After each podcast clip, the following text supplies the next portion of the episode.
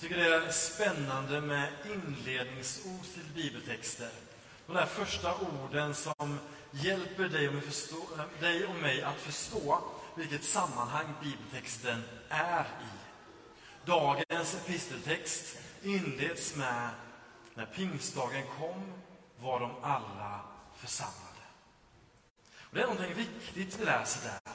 Det som lärjungarna hade varit med om är att deras bästa vän, deras förhoppning om framtiden, den som de trodde skulle rädda hela Israel, de hade varit med och se honom dö. Sen hade de också sett honom uppstå, men vågade kanske inte riktigt lita på det helt och fullt. Och De väntade nu på att anden skulle komma, men de befinner sig i en fas där de verkade rätt så rädda och skrämda. Det beskrivs hur de stängde in sig i ett rum. De kände sig alltså antagligen också rätt så ensamma och isolerade. Säkert förtvivlade och besvikna. Och i alla de här känslorna, då hade de kunnat sticka all världens håll till många olika håll och kanter. Istället inleds dagens text med att skriva när pingstdagen kom var de alla församlade. Tänk om du och jag kunde ta efter lärjungarna på det sättet.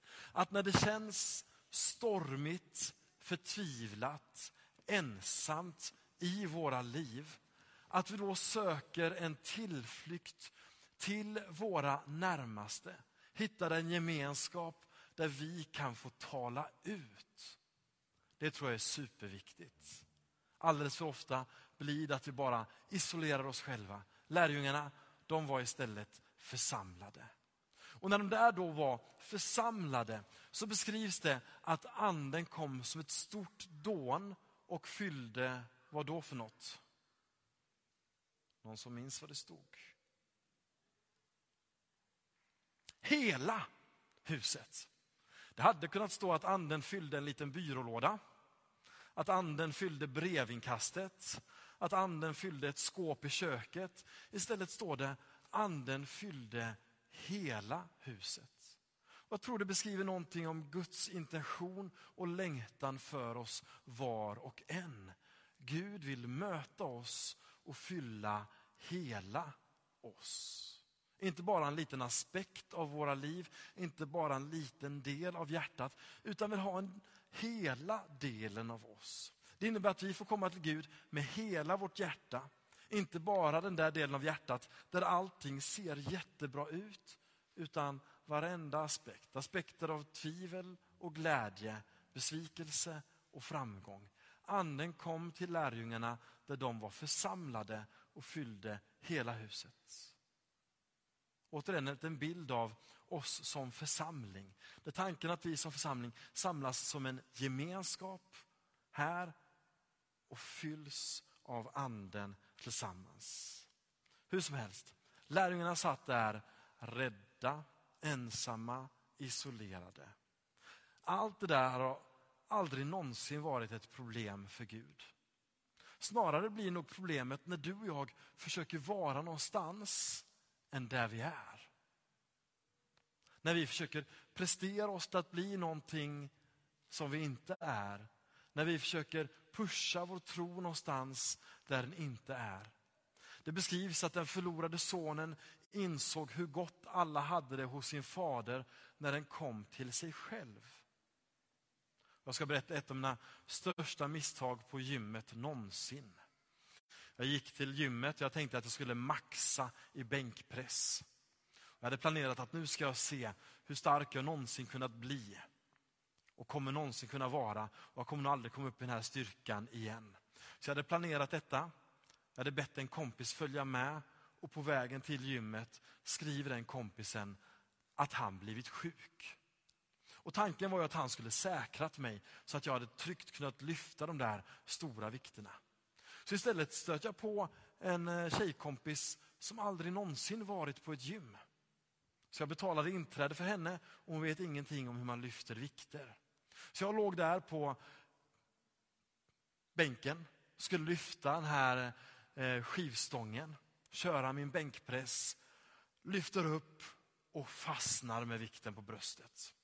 Jag försöker pressa, jag börjar dallra lite grann och min kompis tänker att hon måste hjälpa till. Så hon tar och lyfter i ena ändan. Det som händer är att alla vikter börjar glida åt andra hållet och jag försöker överkompensera på andra sidan. Varpå hon blir skrämd och byter sida också och börjar lyfta där och hela stången börjar wobbla och vikterna håller på att glida av på andra sidan. Någon vikt dunsar till och med i backen och när vikten försvinner där, då blir det ett överslag och vikterna trillar ner här. Och helt plötsligt springer män från hela gymmets hörn för att rädda mig i den här situationen.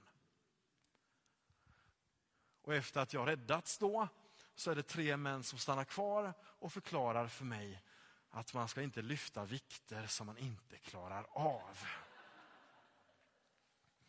Och det här säger någonting om hur vi ibland tenderar att göra i livet på olika sätt. Och Jag tror att det ofta blir ett hinder för oss själva. Bäst gudsmöte, om man nu kan säga något sånt, tror jag vi får när vi faktiskt vågar landa där vi är. Genuina med oss själva, med vår längtan, vår besvikelse, vår tro och våra tvivel. Och där sitter då lärjungarna instängda, ensamma, förkrossade, förtvivlade. Men de är med varandra. Att vara tillsammans som församling är en styrka. De är med varandra, de samtalar och de ber och helt plötsligt där kommer den heliga anden och fyller, vad då för någonting? Hela huset, precis. Eh, det får vi komma ihåg. Hela huset fyller den heliga anden. Strax innan, 50 dagar innan, hade Jesus dött och uppstått. Och Det är alltså påskhändelsen. Påsken är en befrielse från slaveriet. Påsken är inte bara en befrielse från någonting, utan också en befrielse till någonting. Till ett gudsmöte. Och det var det som hände i pingsten. Så där, för 2000 år sedan, så fick lärjungarna det gudsmötet de hade längtat efter. Den heliga anden fyllde hela huset och istället för rädsla föddes mod. Istället för instängdhet så gick lärjungarna ut. Istället för ensamhet skapades en större gemenskap. Istället för förtvivlan föddes hopp. Och allt det är Andens verk. Då och nu. Jag hörde en anekdot vid ett tillfälle där någon församlingsbo hade pratat med någon annan och lite förtvivlat sagt att nu har jag mått dåligt. Och församlingen, alltså prästen, har inte kommit till mig en enda gång. Och så sa den där andra församlingsbon då, men vad är det du säger? Det är ju inte prästen som är församlingen. Församlingen är vi tillsammans och jag har ju besökt dig. Det är andens verk, att göra dig och mig till Kristi kropp. Tillsammans är vi Guds händer i den här världen.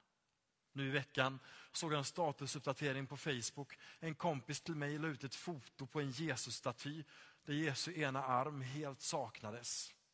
Den var avbruten. Men min kompis la då ut en uppdatering där hon skrev så här. Vi fick ett paket idag. En jättefin staty. Först trodde vi att någon hade tappat statyn i marken och förstört statyn så att armen trillade av. Men sen insåg vi att allting var precis som det skulle vara. För den här statyn på Jesus utan en hand blev helt enkelt en uppmuntran och en uppmaning till dig och mig om att vara Jesu händer på den här jorden. Och det är precis vad den här pingstdagen handlar om. Att det inte bara ska vara en Jesus på jorden, tänk vilken lång kö det hade blivit. Utan istället så kommer den heliga anden till dig och mig, till oss som församling. Sänder oss ut att vara små Jesusar i vår omgivning. Och Jesus säger i dagens evangelietext, om någon är törstig, drick. Och ur hans inre ska strömmar av levande vatten flöda. Det är Andens verk då och det är Andens verk nu.